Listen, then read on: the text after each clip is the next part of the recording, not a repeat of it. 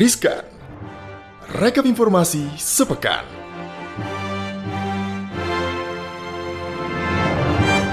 Halo Sobat Cuan, sekarang kita ada di segmen Riskan, rekap informasi sepekan. Dan hari ini gue Daniel Wiguna ditemenin oleh... Hai Sobat Cuan, sama Ellen nih. Uh, sama Ellen. Jadi uh, karena gue pindah segmen gitu ya, sekarang gue sama Ellen. Nah, ngomong-ngomong nih Ellen ya, boleh dong ya sekali-sekali jadi nggak dipaham mulu ya. Ini kita uh, mau lihat nih kondisi terkini COVID-19 kita gitu. Ini kan kalau kita lihat uh, banyak masyarakat yang belum vaksin, tapi sebenarnya angka penyebaran COVID-nya kan udah mulai menurun gitu ya, Len ya. Nah Iya ini sebenarnya banget. Ada informasi-informasi apa sih yang menarik terkait dengan hal itu? Iya nih, ternyata masih banyak loh orang-orang yang positif COVID-19 nih ketahuan ya, Mm-mm. keciduk nih ya, jalan-jalan ke mall.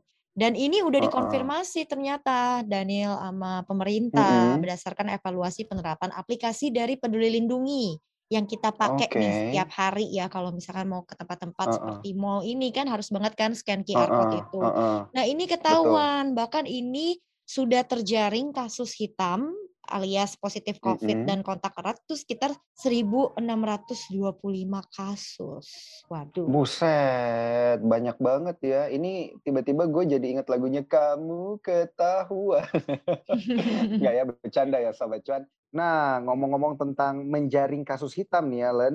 Ini kita dapat tanggapan nih dari Wakil Menteri Kesehatan Dante Saksono Haribuwono di beberapa waktu lalu itu yang mengatakan banyak dari mereka diketahui masih berada di ruang publik.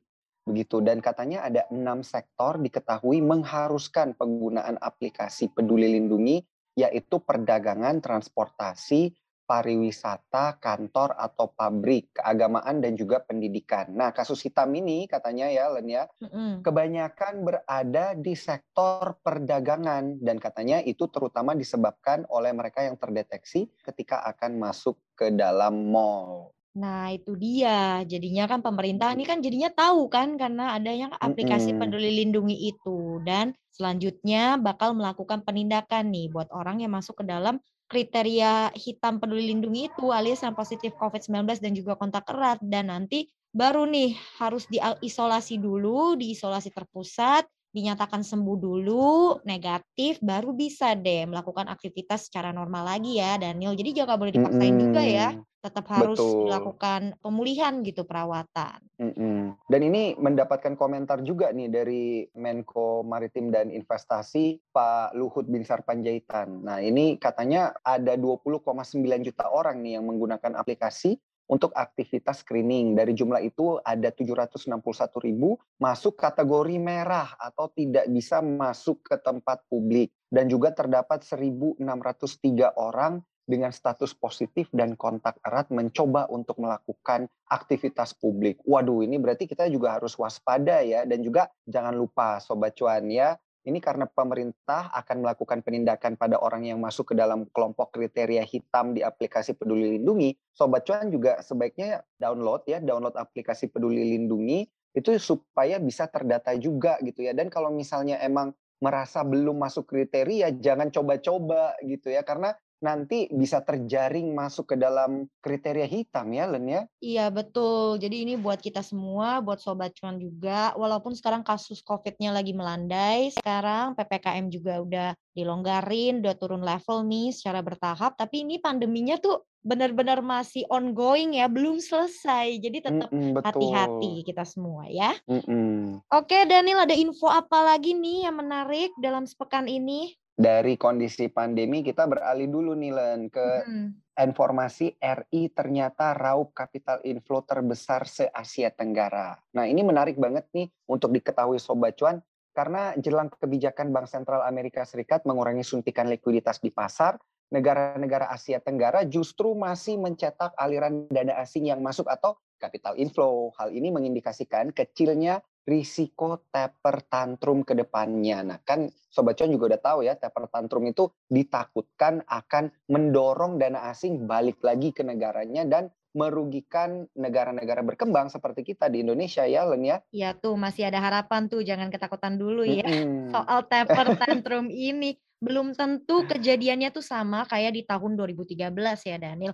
Apalagi ini juga Mhm, ada betul. laporan nih dari JP Morgan yang menyebutkan kalau semua negara ASEAN ini mayoritasnya mencatatkan aliran modal masuk ke negara mereka sepanjang bulan Agustus lalu. Agustus loh, kita tahu kan Mmm. Agustus ini masih hot-hotnya kan soal tapering ini Iya kan. betul. Nah, bahkan. Indonesia ini di posisi teratas di antara negara ASEAN. Wow, no, harus diacungin jempol nih. Capital inflow-nya sebesar Mhm, ratus sebelas juta dolar atau setara dengan 4,4 triliun rupiah, mengalahkan Malaysia yang cuma 251 juta dolar, Thailand, Mhm. kemudian terus ada Filipina, dan sebaliknya justru Vietnam nih yang mencetak aliran modal asing yang keluar, capital outflow. Mmm, Kasihan juga ya, sayang sekali. justru, Iya, iya, terbalik. Sayang dua ratus tujuh sekali. puluh tujuh juta dolar nih buat Vietnam, gitu loh. Jadi jangan-jangan yang jangan capital worry-worry inflow kita itu dari sana ya? Mhm. Gitu, jadi Indonesia sepertinya ini tanah air kita masih diuntungkan ya, karena kalau kita baca-baca lagi laporan dari JP Morgan itu ya, ini bank investasi asal Amerika itu ya, JP Morgan itu menyatakan bahwa menguatnya kembali aliran dana asing ke kawasan ini terjadi selama 6 bulan beruntun dipicu oleh pelonggaran pembatasan sosial secara bertahap, mengaburnya COVID-19, kenaikan tingkat vaksinasi, dan posisi tipis para investor dan investasi asing untuk rotasi keluar dari China. Nah, bener banget ya, berarti, eee, dana asingnya lagi lari ke tanah air nih, Sobat Cuan. Dan berdasarkan realitas tersebut, JP Morgan memperkirakan kebijakan tapering yang akan dijalankan di tahun ini kecil kemungkinannya akan memicu pola aliran dana asing keluar di Asia Tenggara, terutama di Indonesia seperti tahun 2013. Mantap nih, Len. Iya, mantap banget. Dan menurut JP Morgan, aliran dana asing ke pasar obligasi negara ASEAN dalam setahun terakhir itu tuh sebenarnya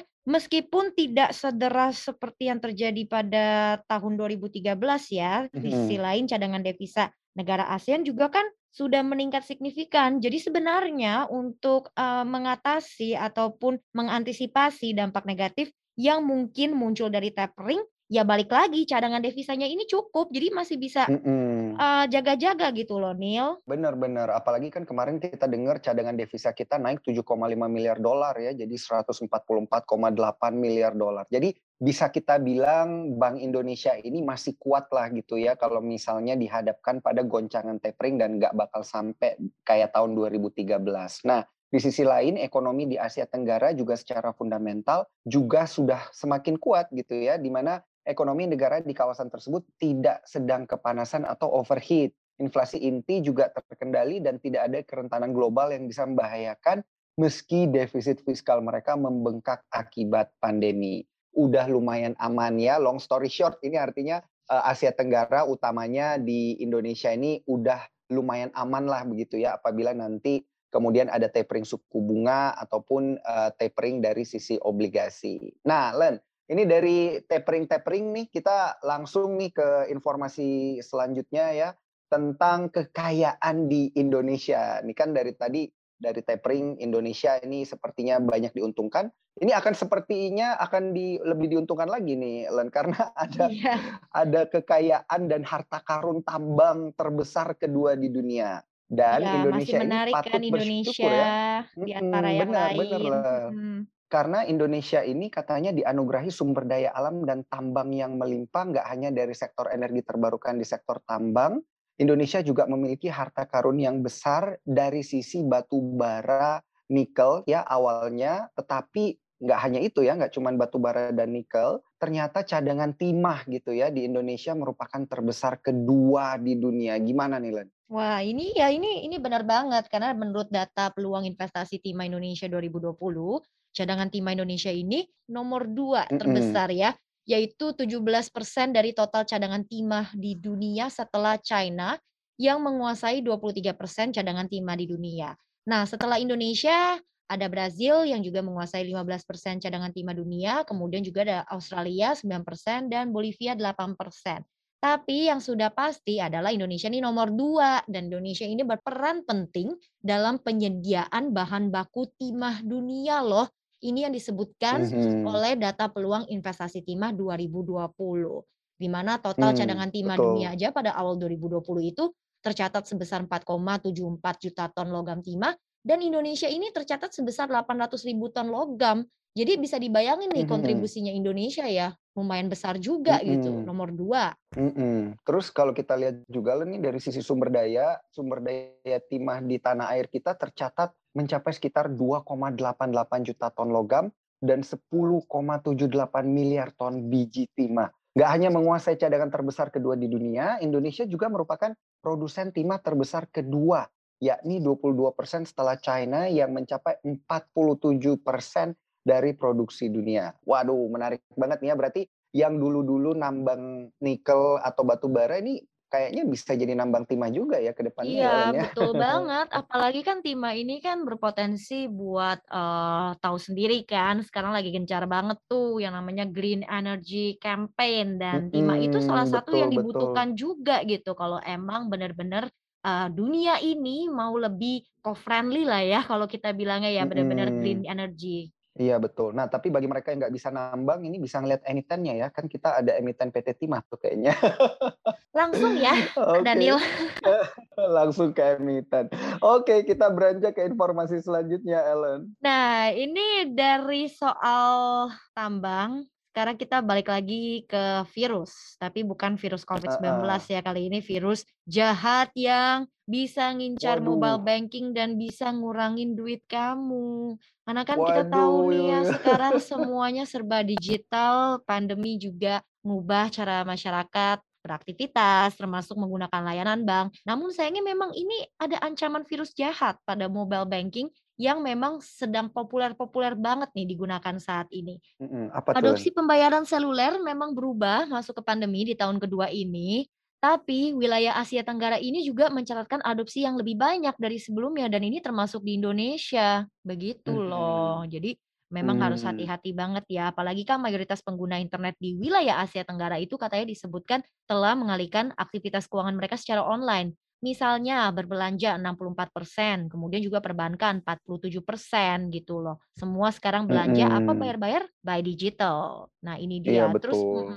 Tapi walaupun di Asia Tenggara ini ada peningkatan, sebetulnya enggak juga kalau kita melihat dari laporan Melling Sons of Our Place in the Digital Reputation Economy, Kaspersky ini mengungkapkan 76% dari 861 responden di Asia Tenggara ternyata, oh ternyata tidak memiliki niat untuk menyimpan data keuangan di internet. Apalagi ini ternyata generasi boomers menjawab paling banyak, 85%. Oke, kemudian 81% itu Gen X dan 75% itu ternyata milenial. Jadi milenial di Asia Tenggara ini ternyata konservatif juga gitu loh, Nil. Mmm, gitu ya. Ternyata, oh ternyata ya, Len ya. Dan Sobat Cuan kalau kita lihat di wilayah Asia Tenggara juga dinilai punya kesadaran cukup baik soal risiko keamanan saat melakukan transaksi dan pembayaran dari perangkat pribadi. Namun memang masih ada perbedaan yang cukup jauh ya antara pengetahuan serta tindakan. Ternyata nih kalau kita lihat jumlah insiden Trojan Mobile Banking di Indonesia dan Vietnam, ini menjadi yang terbanyak ternyata pada semester 1 tahun 2021. Tapi kedua negara ini nggak ada dalam 10 besar dunia untuk negara berdampak Trojan tersebut. Jadi lebih aman lah ya. Tercatat Indonesia ada di peringkat ke-31 dan Vietnam ke-27.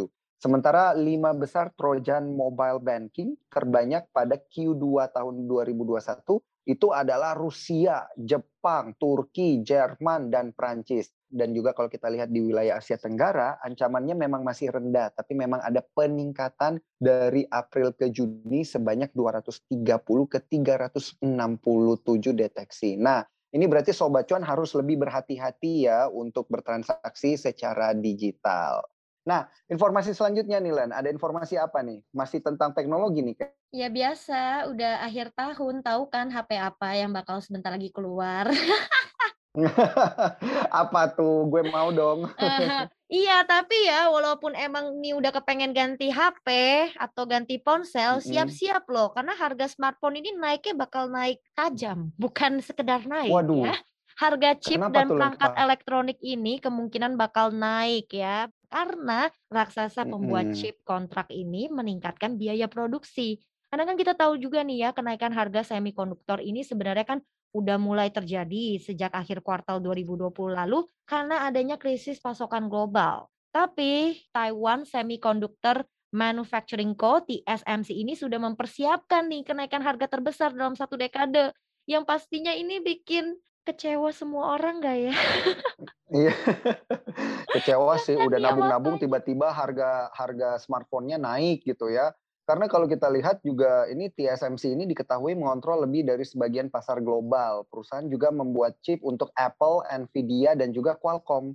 Perusahaan Taiwan ini biasanya mengenakan biaya produksi sekitar 20% lebih tinggi dari pesaingnya guys. Waduh gimana nih ya Sobat Cuan. Kalau kita lihat juga ya sejak akhir tahun pabrikan yang lebih kecil berulang kali menaikkan harga. Nah ini membuat United Microelectronic atau pemain nomor tiga dunia sekarang mengenakan biaya lebih dari rekan senegaranya untuk sejumlah layanan. Nah, Sobat Cuan, harga yang lebih tinggi ini berasal dari sejumlah faktor, termasuk harga material dan logistik yang meningkat. Selain itu juga perlombaan pembuat device untuk mengamankan pasokan chip. Biasanya nih TSMC ini lebih lama loh buat naikin harga Heeh. dibandingkan perusahaan lain karena kan biar bisa menikmati premi yang besar dan kuat. Namun dengan biaya investasi yang juga meningkat, ya TSMC pun ya mau gima mau gak mau harus melepaskan sejumlah beban. Ya bisa Heeh. dipahami sih memang lagi ada masalah Mhm. ya, jadi mau bagaimana gitu.